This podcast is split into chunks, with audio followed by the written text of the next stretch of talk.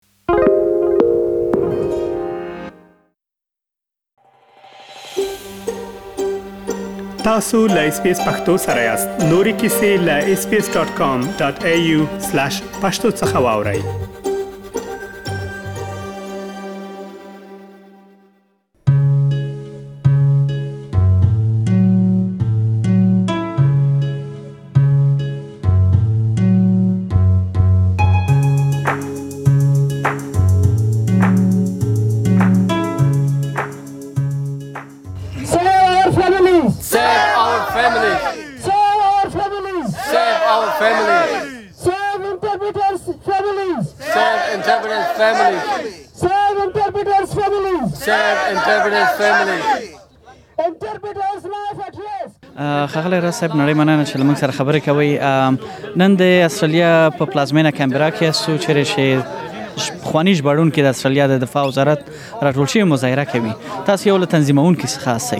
دغه مظاهره په اړه یو څه معلومات راکړئ بسم الله الرحمن الرحیم مننه کوم د خیر صاحب تاسو نه چلته متشرف راوړم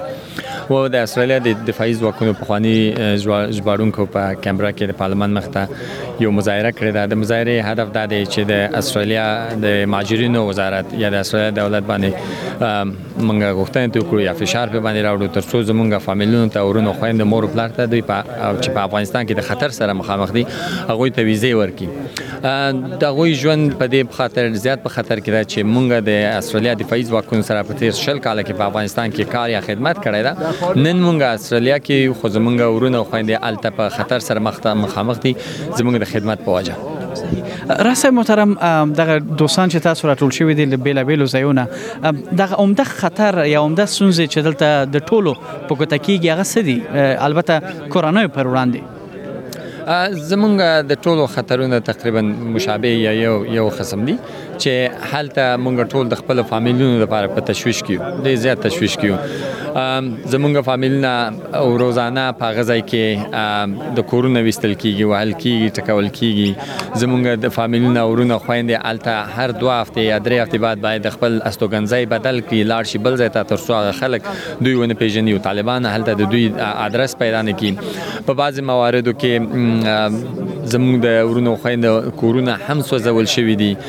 نن سهار زموږ یو ملګری په خانه ژباړون کې وراغه یې غره ته ویل چې مظاهره کې موږ سره شته هغه ویل چې دغه دوه وري کې یو ورور بیګا طالبانو د کور نه ویستي دي او تر اوسه پورې د غوي په اړه کې څه معلومات هم نه لري چې مړ دي که ژوند دي دغه سیستونځي التشتا چې موږ دغه د پارډي زیات تشويش کې د طالبانو راتګ وروسته آیا د دغه ژباړونکو یا پخوانیو ژباړونکو کورنۍ پر وړاندې ګواښونه زیات شوي دي او داسې پیښو رپورټونه هم تاسو درکړ شوي دي چې یو څه ځین کسانو ته ضرر رسیدلی وي یا هغه وژل شوی یا ژوبل شوی وو مونږ سره ډیر شواهد شته چې کله طالبانو افغانستان ونیو زمونږ فامیل ته خطرات زیات شو زمونږ فامیلونو ته په افغانستان کې د دغه د پاره د طالبانو د حکومت له طرفه اعزارنامه هم ورته استول شوې دي چې هغه راشي طالبانو په محاکمو کې جواب وایي چې ولې مونږ ته په تیر شل کال کې اجازه ورکړه چې مونږ ائتلافي ځواکونه اصلي ځواکونه سره کار وکړو په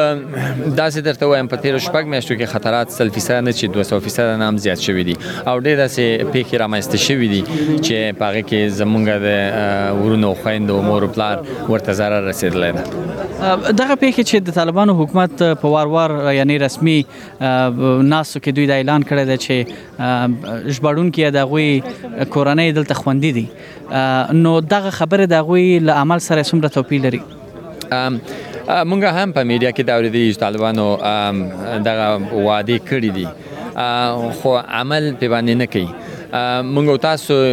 ډیر خبرېږو نو هغه داسې چې په افغانستان کې طالبان میډیا نه پریدي چې دغه سي پیښې خبرې کی عمل یې چې څه طالبانو ویلي دي چې عمومي بخښنه یې کړې ده هغه په عمل کې هغسې نشته صحیح نن تاسو چې راټول شوئ آیا له چارواکو سره مو دلته د پارلمان غړو سره مو ولیدل وو مونږ د پارلمان غړو سره وکتل جولین هیل او انډریو چې دواړه د لیبرال پارټي سناتوران دي دلته راغله موږ سره یو کتل موږ د غوی دلدن او د غوی د حمایت نه ډیر خوښ یو هغه موږ ته وعده راکړه چې هغه به زموږ پیغام اخلي زیدن نه پارلمان ته او زموږ आवाज په پارلمان کې اوچتای تاسو کوم قطعنامه هم صادره کړه او دا مو پارلمان ته وسپارله موږ قطعنامه صادره کړې ده دلته مو تر اوسه هغه وویلې او پارلمان ته به په دې نږدې کې وسپارو صحیح او البته تمام صدا زما ورسې پښتنه بداوي شي اساسو دغه غوښتنو ته به څنګه لبیک ویل شي زمونږ تمه دا دی چې د استرالیا دولت نور وعده پری دي مونږ ته وعده تیر واته میشتو کې راکړي دي چې دوی به زمونږ فامیلونو ته ویزې ورکړي حقاولیت به ورکړي خو په عمل کې تر اوسه پورې هیڅ نه کړي د وادو وخت نه دی اوس دوی باید لاس په کار شي عمل کې زمونږ فامیل ته باید ویزې ورکړي ډیره مننه بریالي اوسئ مننه کور آباد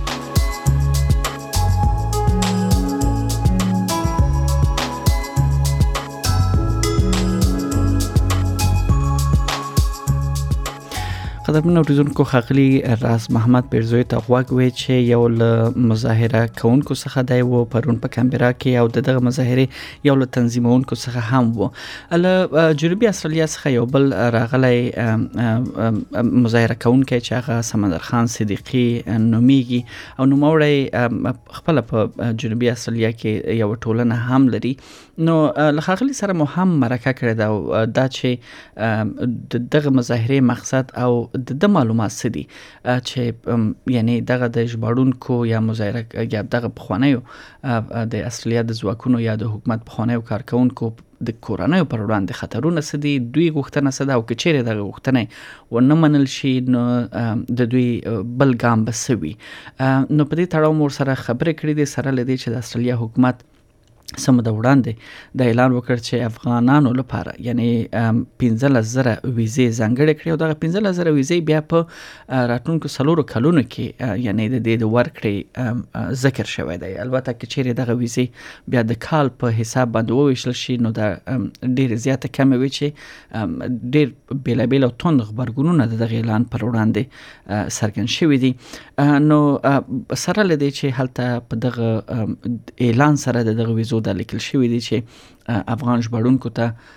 به هم یا دغه کورنۍ غړو ته به هم لومړیتوب ورکول کیږي ول بیا افغان ژبړونکو وایي چې په عمل کې دوی سن دي لیدلی نو اوس به د خغلی سمندر خان دغه مرکه به هم وورو